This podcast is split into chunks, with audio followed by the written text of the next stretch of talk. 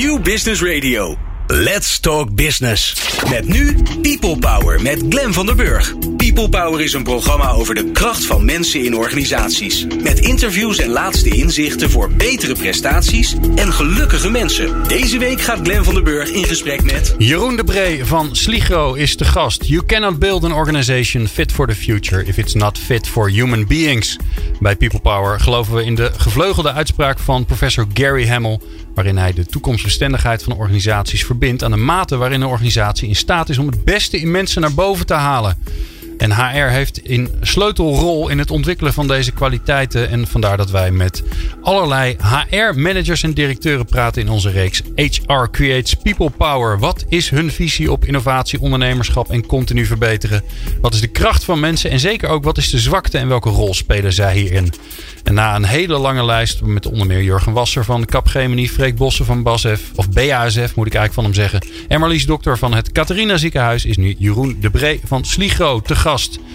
En professor, professor Aukje Nauta verzorgt vandaag de column. Wil je nou meer afleveringen luisteren van HR Creates People Power? Of denk je van hé, hey, maar ik wil eigenlijk zelf ook wel in de uitzending komen?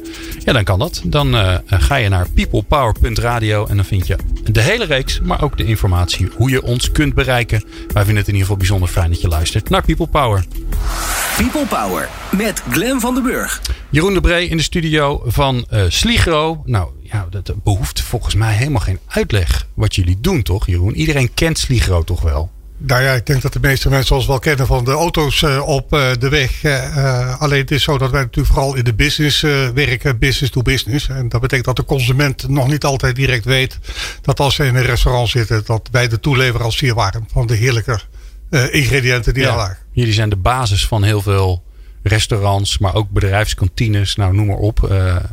Hoe, ja, groot overal, zijn jullie? Overal waar food uh, zeg maar uh, professioneel wordt uh, bereid, daar, daar kunnen wij aan de voordeur staan als het gaat om het toeleveren van de spullen. Ja, hoeveel mensen werken er bij jullie? Er werken ongeveer 5.500 mensen op dit moment bij ons rechtstreeks. daarnaast hebben we natuurlijk nog allerlei zeg maar, verbindende bedrijven, chauffeurs. we hebben het meeste vervoer uitbesteed. Maar er gaan elke dag honderden vrachtwagens de, de weg op. En, uh, chauffeurs die daar zijn meestal niet in dienst bij ons. En zo hebben we nog wel wat meer uh, zeg maar, relaties uh, ja. neergezet. Um, alleen in Nederland of zitten jullie ook nog in andere landen? Nee, wij zitten sinds een aantal jaren ook in België. we hebben een aantal jaren geleden al besloten om, om niet alleen in Nederland, maar ook in het buitenland actief te worden. In Nederland pakken wij zo'n 30% uh, ietsje minder uh, van de markt. En wij denken dat we daarmee zo ongeveer wel aan de grens zijn gekomen van wat nog, uh, wat nog kan en wat nog mag en wat nog prettig is. met name ook voor onze klanten, zeg maar. en dat betekent dat wij gezegd hebben, we gaan onze vleugels uitslaan naar het buitenland. we hebben een aantal dingen daarin geprobeerd en uiteindelijk zijn we begonnen in België. Ja, nou ja, het is dichtbij en ze spreken ongeveer dezelfde taal, of in ieder geval een stukje. Nou, ze gebruiken wel dezelfde woorden, maar of het precies dezelfde taal is, is dan nog wel de vraag. ja. Wat, ik, uh, wat ik eigenlijk aan alle HR-directeuren vraag die hier binnenkomen. Uh, om, om even ook de, de context van de organisatie neer te zetten. Wat is nou de grootste business-uitdaging voor Sligo? Waar, staan jullie voor? Dat zijn er eigenlijk een, een, paar, een paar hele grote. Eén, uh, wij hebben het afgelopen jaar waren wij ook nog in het gelukkige bezit van de supermarktketen, MT Supermarkten. En, wij hebben besloten om die te verkopen om ons daarmee te kunnen gaan richten op waar wij eigenlijk groot in geworden zijn en waar wij ook heel erg goed in zijn. Uh, en dat is dus de, de, de food service uh, business. Nou, het omzetten van je organisatie van een gemengd bedrijf naar zeg maar gespecialiseerd bedrijf weer, waar we ook vandaan komen. Dat is denk ik een grote uitdaging. Betekent concentratie. Uh, betekent ook een, een, een, een, krimp op een aantal onderdelen. Dus ons hoofdkantoor heeft het afgelopen jaar laten krimpen. Om daarmee ook zeg maar een recht te doen aan de gekrompen organisatie, de totaliteit. Het derde wat wij gaan doen, we gaan over naar een nieuw automatiseringsmodel toe. En dat is een radicale verandering. We hebben tot nu toe onze eigen automatiseringssystemen eh, ontwikkeld eh, en eh, in elkaar gesleuteld. Uh, wij gaan over naar een gestandardiseerd systeem. Dat betekent een complete radicale omdraaiing van je organisatie en je businessmodel, zeg maar. Dus je gaat op zoek naar de creativiteit in je business om om te kunnen gaan met, je, met, met de toolings die je hebt. En de laatste is, wat we net al zeiden, een verdere uitbreiding naar het buitenland toe. En hoe zorg je dat je daarin blijft doen waar je goed in bent. En niet verliest in, in allerlei randzaken die, die dan ook gelijk op je afkomen. Ja. Hoe, hoe zou jij de organisatie typeren? Waar, waar, waar kun je. Nou, misschien wel leuk. Wat, wat voor dier zou je Sligo mee vergelijken? Als, je nou een, als we een metafoor moeten kiezen, wat, wat voor dier is het? Oh, dat vind ik altijd een lastig. Ik heb niet zoveel met dieren. Um, ja, dan is in ieder geval een dier wat in een, in een familiegemeenschap leeft. Een kuddedier, laat ik het dan maar even zo zeggen. Zonder dat ik nou onszelf als kuddegedrag zou willen zien. Wij noemen onszelf wel het grootste beursnoteerde familiebedrijf van Nederland. En ik denk dat dat, dat kenmerkend is voor ons bedrijf. Dat we nog steeds de elementen van een familiebedrijf hoog houden als een belangrijke cultuurwaarde in ons bedrijf. Oké. En hoe doe je dat? Want dat lijkt me best wel lastig. Ja, dat is ook lastig. Uh, dat is lastig om een aantal redenen. Eén, reden is dat uh, de, de waarden van een familiebedrijf uh, zijn vaak wat emotioneler geladen. Omdat ze ook een emotioneel ontstaansgeschiedenis hebben. Een familie is ergens mee begonnen. En die hebben een droom verwezenlijkt. Dat is natuurlijk al heel bijzonder. Je ziet dat in veel familiebedrijven terugkomen. Of nou pakt Bavaria om maar iets te noemen. Ook daarin zie je een hele specifieke eigen cultuur is. Met eigen kenmerken die je zo vaak niet in, in andere bedrijven tegenkomt. Uh, en, en, en, juist die waarde, en een daarvan is uh, uh, zeg maar denken in langere termijn en niet in korte termijn uh, resultaten. Dat is iets wat, wat een beetje tegen de huidige tijd is, waarin veel Anglo-Saxische modellen gehanteerd worden. Zeker maar het staat bijna haaks op, op, op de, hè, de aandelennotering, waarbij het, ja, hè, elke, elke minuut is, het, is de waarde van het bedrijf weer anders. Ja, dat kan. dat betekent ook dat maar een paar mensen in ons bedrijf zich bezighouden met alles met de beurs te maken heeft. Uh, wij proberen dat ook zo ver mogelijk uit het bedrijf te houden als een, als een belangrijke waarde als het gaat om sturen van onze organisatie. Dus wij sturen ook helemaal niet op aandeelhouderswaarde. We sturen op resultaten. En dat vinden wij veel belangrijker. Okay. En we proberen die resultaten ook zo concreet mogelijk te maken. Dat ook ja. de cashier in de groothandel snapt wat voor uh, zaken zijn. Ja. Als je nou die, die, die business uitdagingen vertaalt naar jouw werkveld, hè, het HR-vak. Wat, wat, zijn, wat is jouw top drie waar je, ja, die op jouw prioriteitenlijstje staan voor dit jaar? Eén uh, is uh, veranderen. Hoe doe je dat in een organisatie als dat van ons? Een, een organisatie met een sterk routinematig karakter. Wij doen, uh, de meeste mensen op de werkvloer doen eigenlijk elke dag precies hetzelfde. En doen het ook liefst in dezelfde volgorde. Mm -hmm. Die, uh, die, die, die volgorde of die systemen, alles wat zij gaan doen, gaat straks op een andere manier plaatsvinden.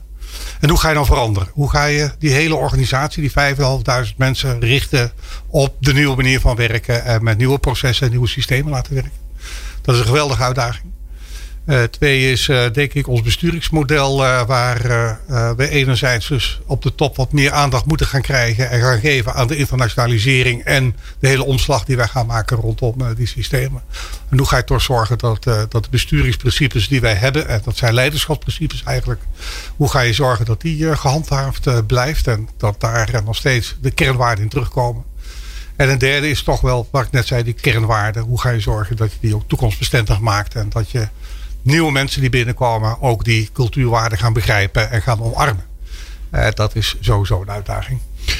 Mooi is, jij bent, uh, ik weet niet precies hoeveelste in de reeks, maar nou ja, zeker boven de tien. En uh, dit zijn allemaal nou, hoogstrategische onderwerpen. Die gaan echt over de kern van het bedrijf. Um, wat we veel langs horen komen is uh, duurzame inzetbaarheid, is uh, aantrekkelijkheid op de arbeidsmarkt. Hè. We, zeggen meer traditionele HR-onderwerpen. Hoe, hoe komt het dat jij, dat jij je hiermee bezighoudt? Ja, ik, ik denk dat werk en resultaten dat dat het gevolg is van hoe mensen werken en wat ze, en wat ze aan het doen zijn. Uh, en ik heb het geluk, of ik heb het ook afgedwongen, wellicht is dat ook wel het geval om in de directie deze rol te mogen vervullen. Om, om heel nadrukkelijk de, zeg maar, de achterliggende of onderliggende processen die, die belangrijk zijn voor het succes van je onderneming, om die elke keer te sprake te kunnen brengen en daarmee bezig te kunnen zijn. Ja. Uh, dat betekent niet dat die traditionele HR-onderwerpen dat die niet belangrijk zijn. Die zijn uiteraard zeer belangrijk. En daar heb ik ook allerlei mensen voor die daarmee aan het werk zijn. Maar ik hou me daar in de dagelijkse praktijk wat minder mee bezig. Dat klopt. Oké, okay, en dat zijn collega's in jouw team die doen dat? Ja. Die doen die, die nou ja, de, de, de normale onderwerpen. Die, uh... de, de, normale onderwerpen doen ja. ook de normale mensen bij ons. dat klopt. dus jij bent geen normaal mens? Nou, dat weet ik niet. Sorry. Ja. Um, Ehm, als je die drie nou pakt, hè? Uh, want die draaien uiteindelijk hè, veranderen, uh, de internationalisering. dat lijkt me ook wel spannend, want je begint dan. Je zei het al, we doen routinematig werk. Familiebedrijf, bestaat al lang. Dus elke keer als je, je groeit of wat anders doet, dan bouw je het op iets stevigs wat er al is. Nu ga je in België ga je bouwen en er is niks. Dus hoe, hoe pak je dat dan aan? Hoe zorg je dan dat, ja, dat, dat die kracht van wat je in Nederland hebt, uh, dat je dat daar ook weer gaat opbouwen? Ja, dat is uh, een interessante vraag. Uh, ik, pak even terug, want we zitten midden in het nadenken over uh, dat soort dingen. Wat is de rol van een nieuwe directie? We hebben een international board geïnstalleerd vanaf 1 januari. Wat gaat hij nou doen? Welke agenda moet hij gaan voeren? Niet geheel toevallig kijk dan ook even wat terug naar de geschiedenis. Waarin is Sligo, op welke wijze is Sligo de afgelopen decennia gaan groeien. wij zijn in staat geweest om een paar dingen te doen. Eén, wij zijn erg goed om één. Eerste wat heel erg belangrijk is, dat we ons vooral moeten bezighouden wat, wij ook kunnen, wat onze core business is. Dus we moeten vooral niet proberen een schoenengroothandel over te nemen of een tentengroothandel over te nemen, want daar hebben we gewoon geen verstand van. Dus we moeten ons richten op voedgroothandels, dat is één. Uh, wat erg belangrijk is voor ons is dat wij in het verleden in Nederland ook gedaan hebben. Is dat onze systemen ongelooflijk goed op orde waren. Met name onze automatiseringssystemen. Dus wij konden vanaf dag één zo'n bedrijf ploppen, plotten op ons systeem. Uh, uh, dat betekent dat we direct vanaf dag één grip hadden op de processen. Dus wat ging erin, wat gaat eruit, wat werd er afgerekend, welke kosten worden er gemaakt. We hebben een heel centraal model waarin we dat ook heel erg sterk centraliseren als het gaat om geldstromen en inzicht in geldstromen.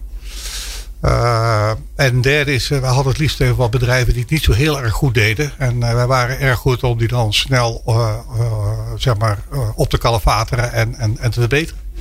Ik denk dat dat onze kracht in het buitenland ook moet zijn. Dat betekent dus daarom erg belangrijk is om ons systeem, ons systeem helemaal 100% op orde te krijgen en international proof. Dat zijn ze op dit moment niet, want we hebben ze voor Nederland ontwikkeld. Maar om die dan daar te hebben en dan vooruit die core gedachten in waar wij goed in zijn, in het bezorgen en de zelfbedieningsgroothandels, het inspireren van food professionals, om dat vooral in het buitenland neer te gaan zetten. En dan op zoek te gaan naar uh, geschikte partners. Wat mij betreft zijn er dan een aantal strategische keuzes die je kunt maken. En een daarvan is dat die niet te groot moet zijn. Omdat wij de baas willen blijven. Dat lijkt ons ook uh, van belang uh, als we praten over zelf. Niet te groot? Ze moeten niet rood zijn? Niet te groot. Oh, niet te groot. Nee, rood ja. mogen ze wel zijn. Ja. Dat is, uh, dat wij zijn zelf al, onze bedrijfskleur is groen. Maar rood vinden we ook prima. Ja, ja gewoon overspuiten. Maar gewoon overspuiten heb ik gewoon maken. dus denk niet te groot. Hè. Je moet wel beheersbaar blijven. Je moet baas in eigen onderneming willen blijven. Uh, het liefst in een land waar, uh, waar er nog een consolidatieslag moet plaatsvinden. Dus waar het nog een versnipperd landschap is. Waarin wij kunnen, wat wij dan in het verleden noemden, kunnen kralen rijgen. Uh, en, en het liefst een land waar, waar het allemaal nog niet zo professioneel ontwikkeld is als hier in Nederland. En daar gaan we voor. Voorlopig, voorlopig is dat, begint het in ieder geval in België. Het begint in België. Begint in België. En, en België is een zeer versnipperd landschap. Nou, dus daar is nog even wat te doen. Ja. We praten zo verder met uh, Jeroen de Bree, haar directeur van Sligo. En dan zijn we natuurlijk benieuwd, ja, met die uitdagingen die hij heeft. Hoe verander je een organisatie die gewend is om routinematig werk te doen? Ja, dat is natuurlijk heel interessant. Hoe die dat dan aanpakt. En dat hoor je zo. People Power. Inspirerende gesprekken over de kracht van mensen in organisaties. Met Glen van der Burg. Jeroen de Bree is uh, te gast bij ons in de studio. HR-directeur bij Sligo. Um, ja, um, we hebben al uh, geconcludeerd dat hij, uh, dat hij zich met mooie onderwerpen bezighoudt. Strategische onderwerpen. Uh, een van de onderwerpen is de internationalisering van de, van de organisatie. Um, Jeroen, jullie, je gaf al aan, hè, wij, wij moeten vooral blijven doen waar we goed in zijn. Dat zijn, dat zijn niet al te grote partijen overnemen en die dan integreren in, in, ja, in, in zoals wij werken en zorgen dat het beter gaat werken. Stel je voor, um, er is een leuke partij in België, die nemen jullie over. Wat gebeurt er dan? Ja, dat hebben we dus gedaan. Dus ik kan uit ervaring oh, nou, spreken. Dat is mooi. Uh, wij zijn begonnen in België in eerste instantie om zelf plannen te maken. En gaandeweg die rit kwamen wij in contact met een bedrijf dat we vanuit het verleden kenden, Java. Een bezorggroothandel. En, en dat was precies op het juiste moment. Het was net op het moment dat de eigenaar zich afvroeg of hij of die daar zelf mee verder moest. Of zijn gezin daarmee verder ging. En had besloten om het te verkopen. En wij waren net aan de deur aan het bellen. en dat hebben wij overgenomen.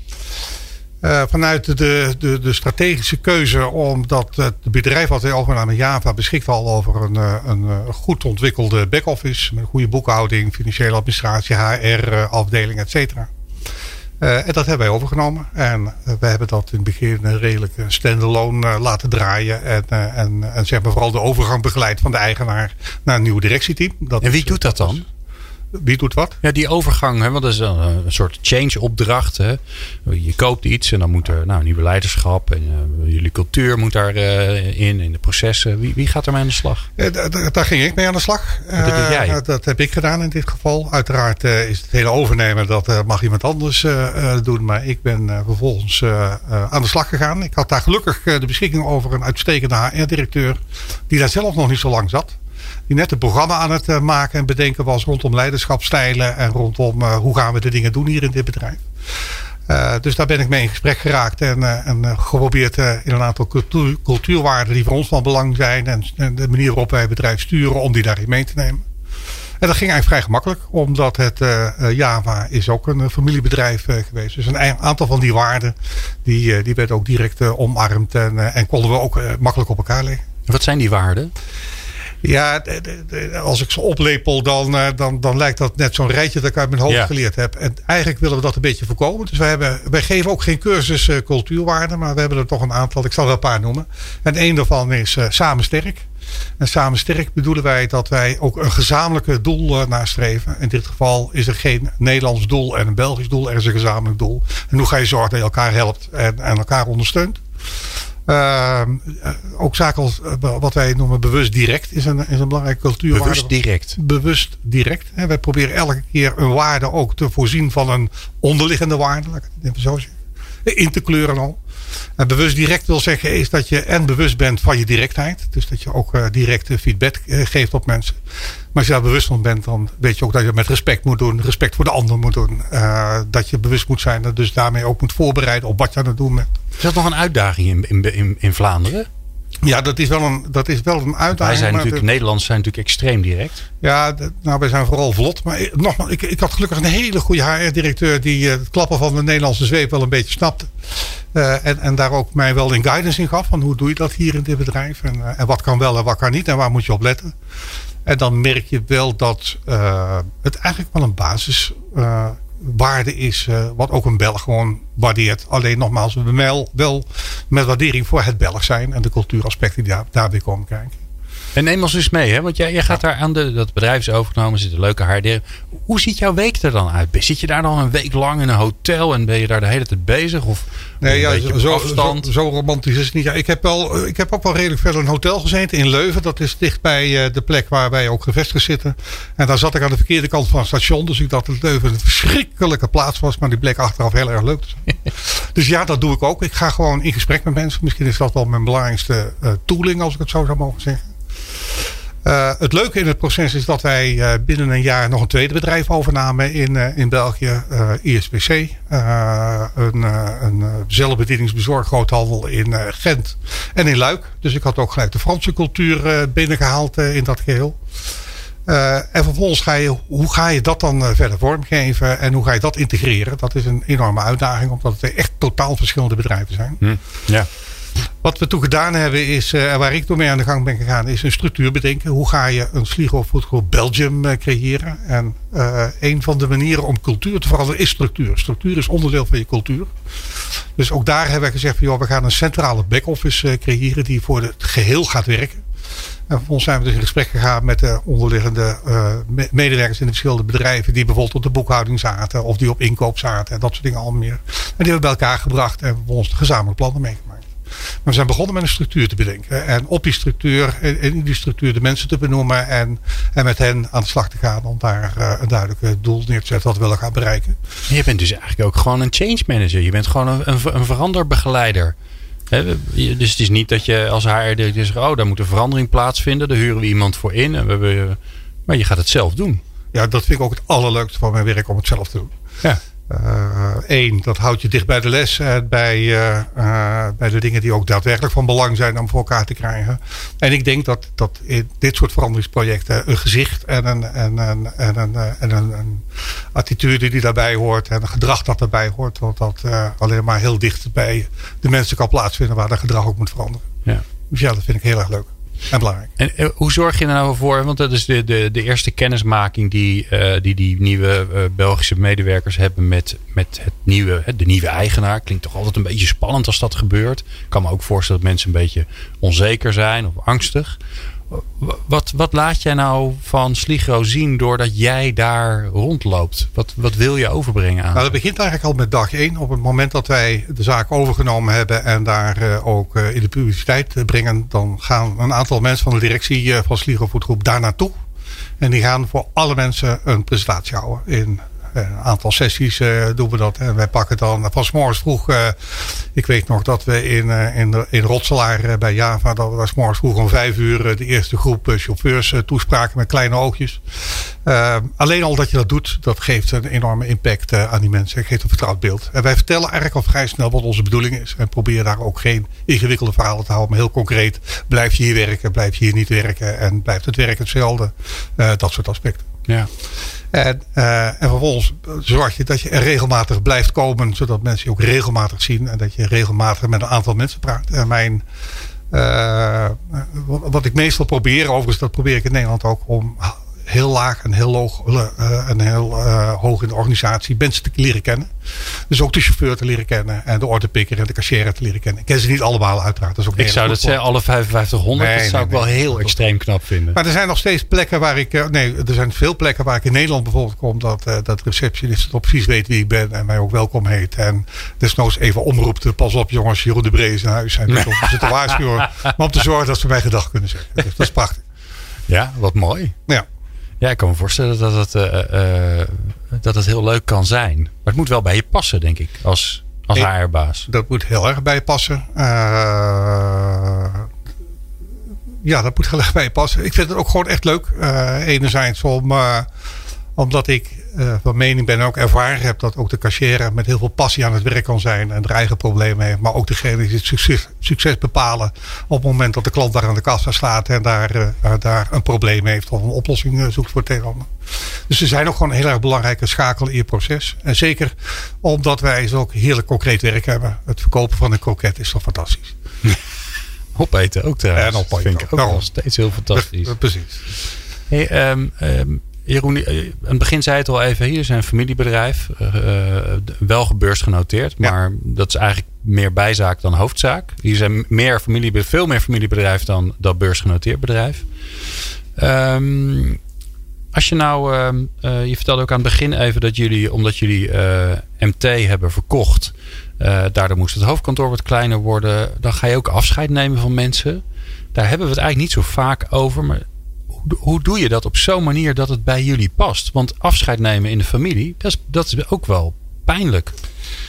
Ja, dat is ook pijnlijk. Uh, er was voor uh, Sligo ook een, uh, een nieuw hoofdstuk. Ehm, ja, was het voor het eerst? Ja, het was voor het eerst dat wij dat in Veghel deden. Op ons hoofdkantoor in Veghel. Ik heb in de loop van de, de inmiddels 22 jaar bij Sligo heel veel hoofdkantoren gesloten. Maar dat was altijd een overgenomen bedrijf. Ja. En dat ontrok zich aan het zicht eh, van de meeste mensen. Dat ontrok zich niet aan het zicht aan de, aan de mensen die daarbij eh, bij betrokken waren, uiteraard. waren daar wel. Ja, hoe hebben we dat gedaan? Eén, door het heel zorgvuldig voor te bereiden. We doen de meesten dat wel, maar zorgvuldig voor te bereiden op de inhoud. Dus wij konden het verhaal wat erbij hoorde heel erg goed vertellen. We hebben ook vervolgens in een, in een week tijd voor alle afdelingen en alle medewerkers een sessie gehouden. Een algemene sessie gehouden waarin we per afdeling vertelden wat de plannen waren en waarom we dat gingen doen.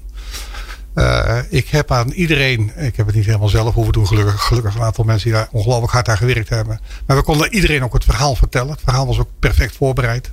En ik denk dat wij op zich een, een nette regeling hadden voor de mensen die afscheid moesten nemen. En, uh, en die hebben ja. we uiteraard ook toegepast heeft ertoe geleid dat wij uh, uiteindelijk van zo'n uh, 250 mensen afscheid genomen hebben. Waarvan er denk zo'n 170 uh, niet vrijwillig. Het heeft ook geen tijdelijke contracten en dat soort dingen allemaal. Ja.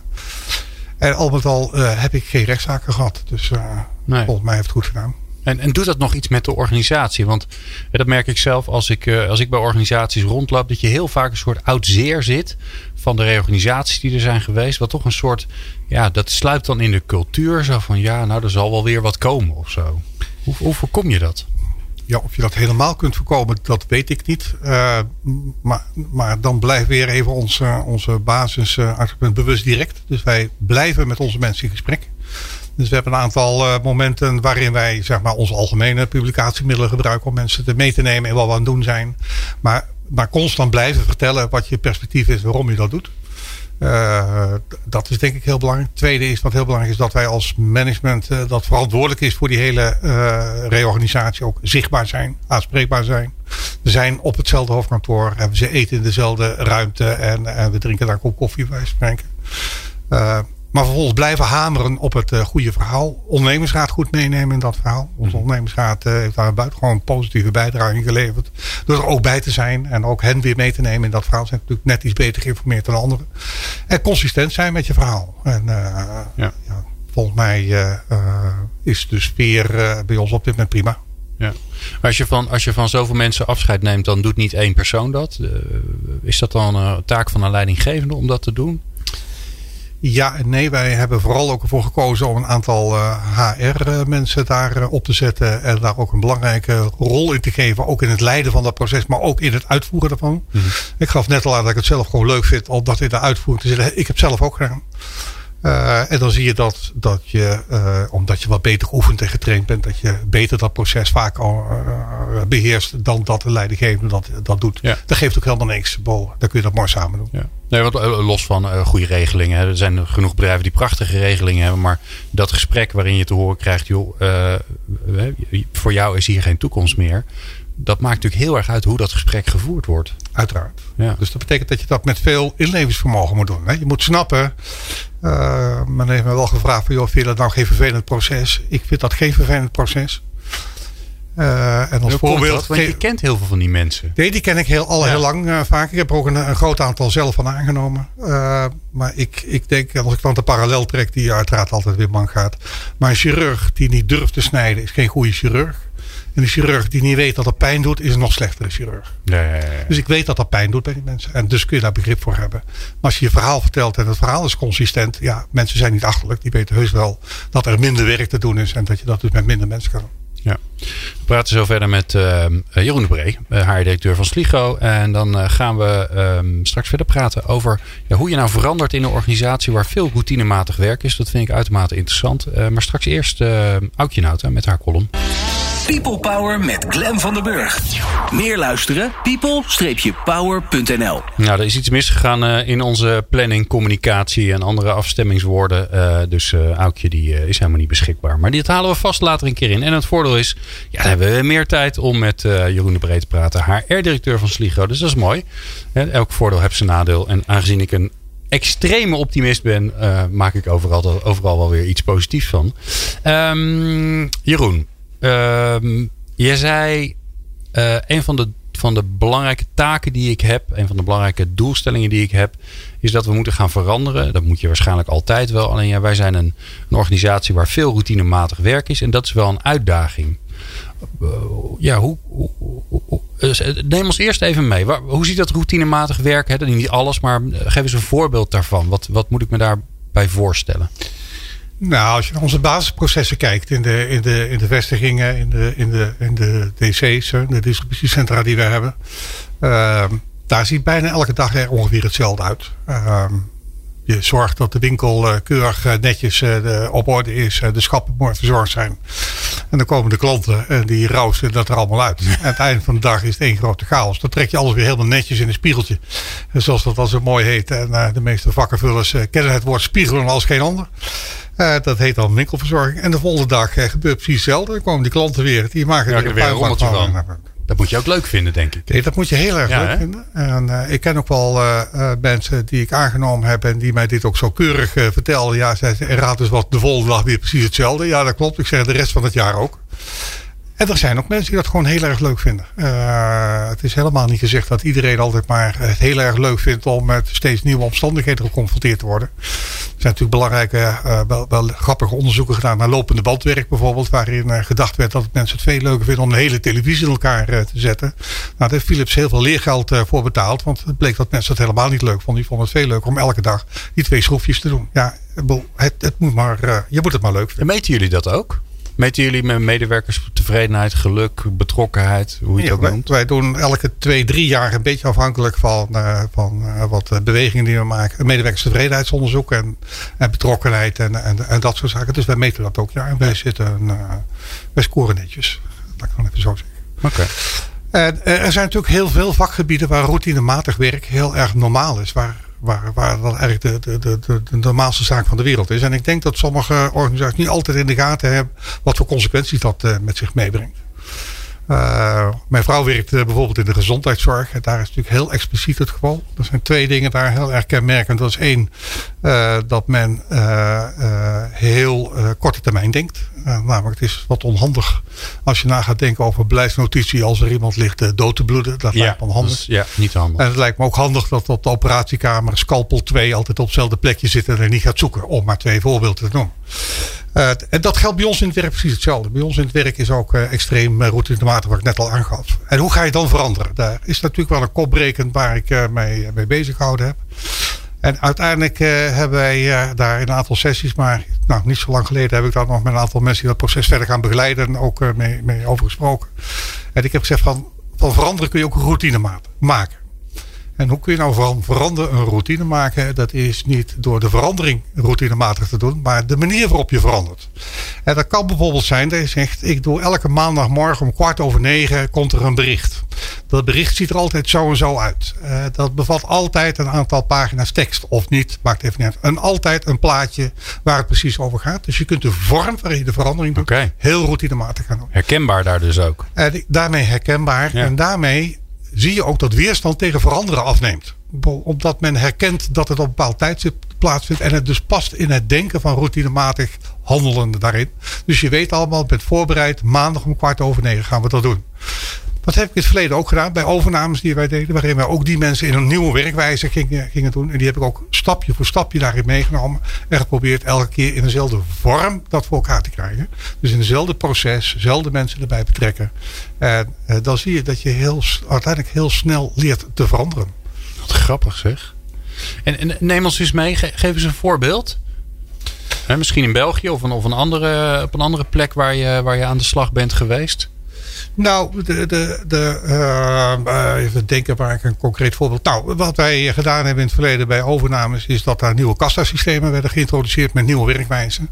En daar hebben we dan een maand of drie voor uitgetrokken. En elke, in dit geval was het ook letterlijk op maandag om negen uur, kwam er een notitie. Uh, waarin kort aangegeven wat we die week opnieuw gingen doen.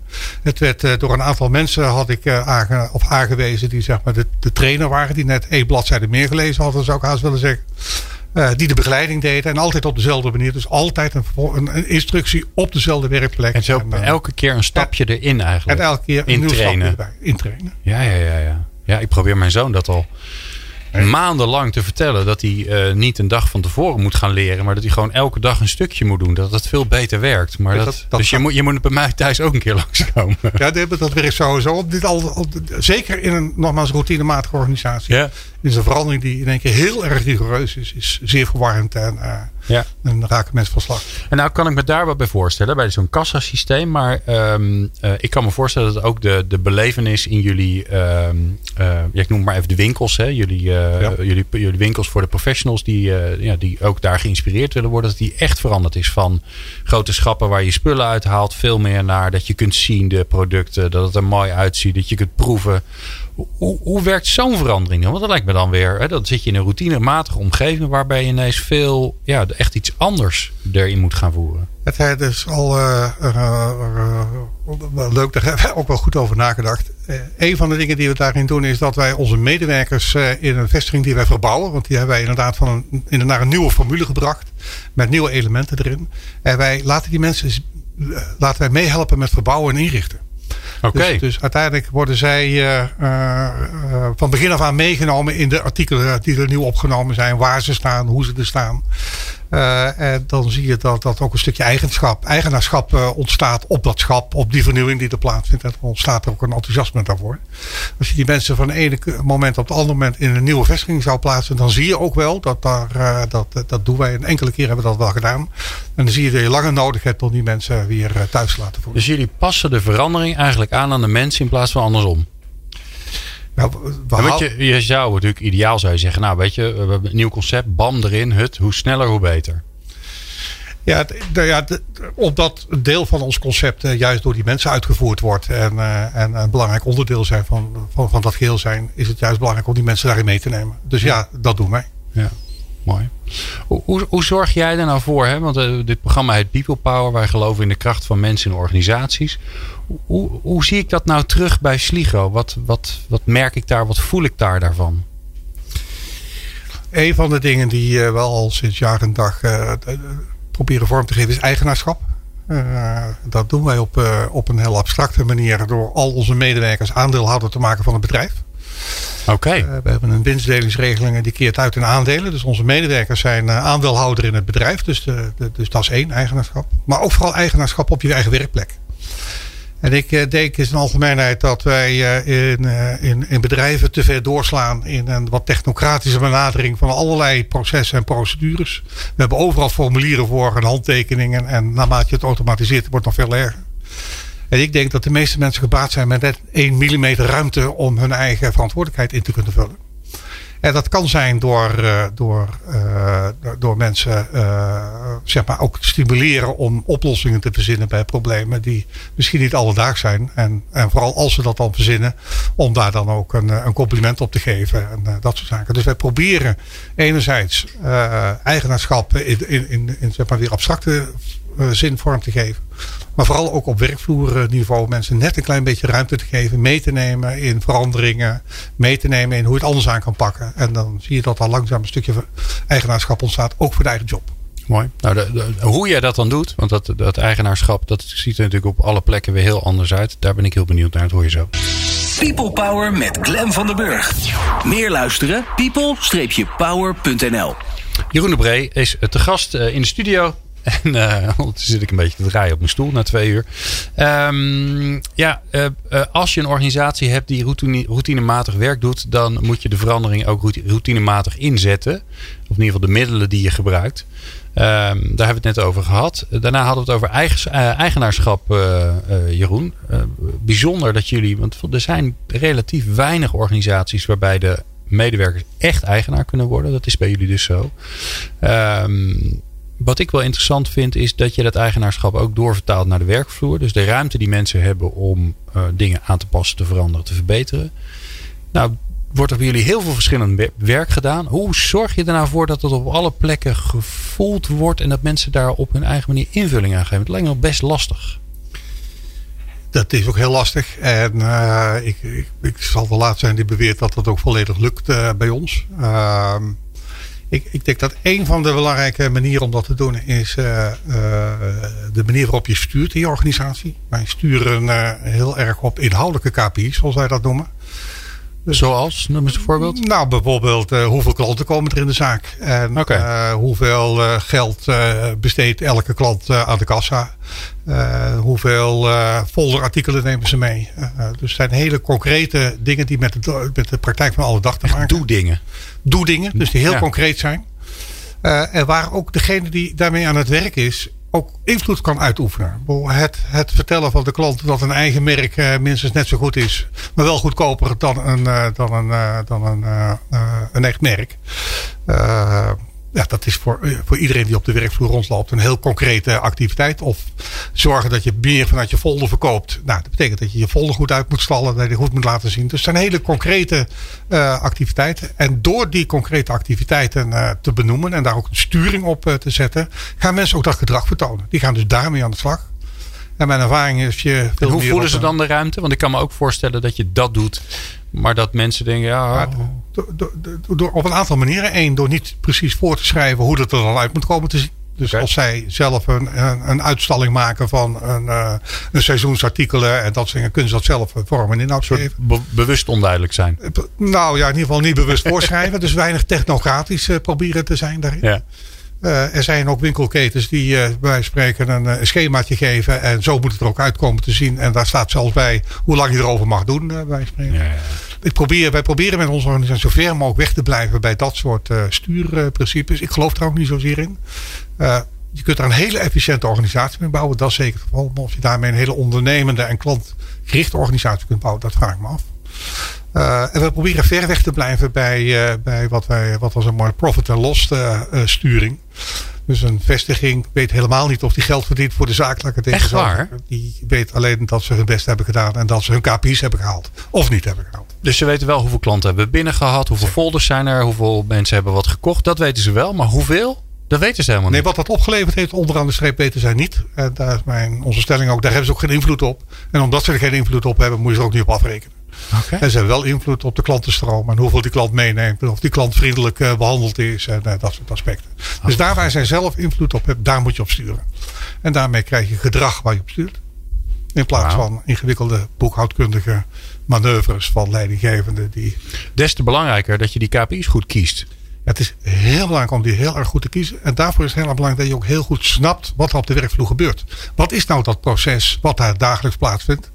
Uh, en dat is in ieder geval niet zo abstract als een boekhouding. Dat is in ieder geval wat daar niet plaatsvindt. Ja, maar je moet wel weten dat, dat het meenemen van folders uiteindelijk leidt tot ja, dus meer moet... bezoek, meer aankopen en uiteindelijk ook, hè, want uiteindelijk ook moeten jullie ook geld verdienen. Nee, dat moeten wij zeker. Dat vinden we ook heel belangrijk om dat te doen. Alleen wij willen graag sturen op de manier waarop je dat voor elkaar kan krijgen, omdat dat de medewerker het beste begrijpt. En die snapt ook wat hij moet gaan doen. En door dat niet heel technocratisch uh, voor te schrijven, uh, betekent ook dat hij die ruimte pakt om daar uh, wat keuzes in te maken. Wat gaaf. Niet altijd helemaal goed, uiteraard, maar dat geeft helemaal niks. Ja. Nou, luisteren naar dit programma collega's van jou. Ja. Collega HR-managers, HR-directeuren, HR-professionals. Um, ik vind het wel mooi om te eindigen met een beetje stichtelijk woord van jou aan hen. dan mag je ze gewoon helpen. Van nou, als, je nou, als je ze nou een tip mag geven of een advies voor, voor 2019. We zijn nog een beetje aan het begin. Wat zou je ze dan mee willen geven? Je vakgenoten. Uh, ik heb niet zoveel met preken, moet ik er dan maar even gelijk bij zeggen. Maar als ik dan toch een wat stichtend woord zou uh, mogen zeggen. Ik spreid mijn armen. Ik denk, wat één ding is heel erg belangrijk. Is dat je heel erg connect bent met het werk wat er plaatsvindt.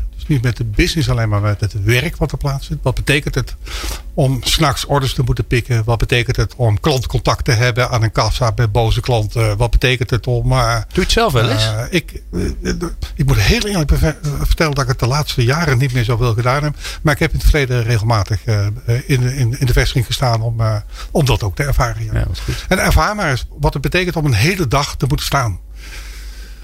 Ja. Staan ja. achter een, Ja. een, een balie om daar vis te verkopen of een uh, worstenbroodje te verkopen. Dat is, uh, dat is heel vermoeiend. Ja. En dat je realiseren betekent ook dat je beter gaat snappen wat die mensen nodig hebben om werk te kunnen doen. ja, dan word je een betere businesspartner. Ja. Dus heel erg veel weten van wat er op de kern van je bedrijf, wat daar gebeurt. Dat is heel belangrijk. Mooi. Dankjewel Jeroen. Uh, ik vond het bijzonder leuk met je, met je te spreken en van je te horen ja, hoe, hoe jij jouw vak invult. Uh, toch weer heel anders dan uh, elke keer anders. Maar bij jou was het echt wel heel anders. Dus super leuk om te horen. Jeroen de Bree van Sligo. Um, in de volgende uh, aflevering van People Power. Dan um, hebben we een noviteit. En daar ben ik heel blij mee. Want we gaan de eerste aflevering maken in een reeks over diversity en inclusion. En die maken we samen met ABN AMRO. Dus die hoor je in de volgende aflevering. En wij vinden het in ieder geval heel fijn dat je luistert. En mocht je ons nou een plezier willen doen. ik kan het niet vaak genoeg zeggen. Want ja, een podcast is toch een beetje een conceptief ding. Want je zit waarschijnlijk in de auto of je bent de afwas aan het doen. Of nou iets met je handen en je ogen aan het doen. Maar wij vinden het heel leuk om van je te horen. Dus wil je ons helpen? Stuur dan een mailtje. Bijvoorbeeld naar info.people-power.nl of ga naar onze website peoplepower.radio. En er zijn allerlei plekken waar je je reactie kwijt kunt. Dat vinden wij heel erg leuk om van je te horen. Wat je ervan vindt. Dus laat het ons weten. ik vond het in ieder geval bijzonder fijn dat je luisterde. En volgende keer natuurlijk weer. Doei. Meepraten of meer programma's? people-power.nl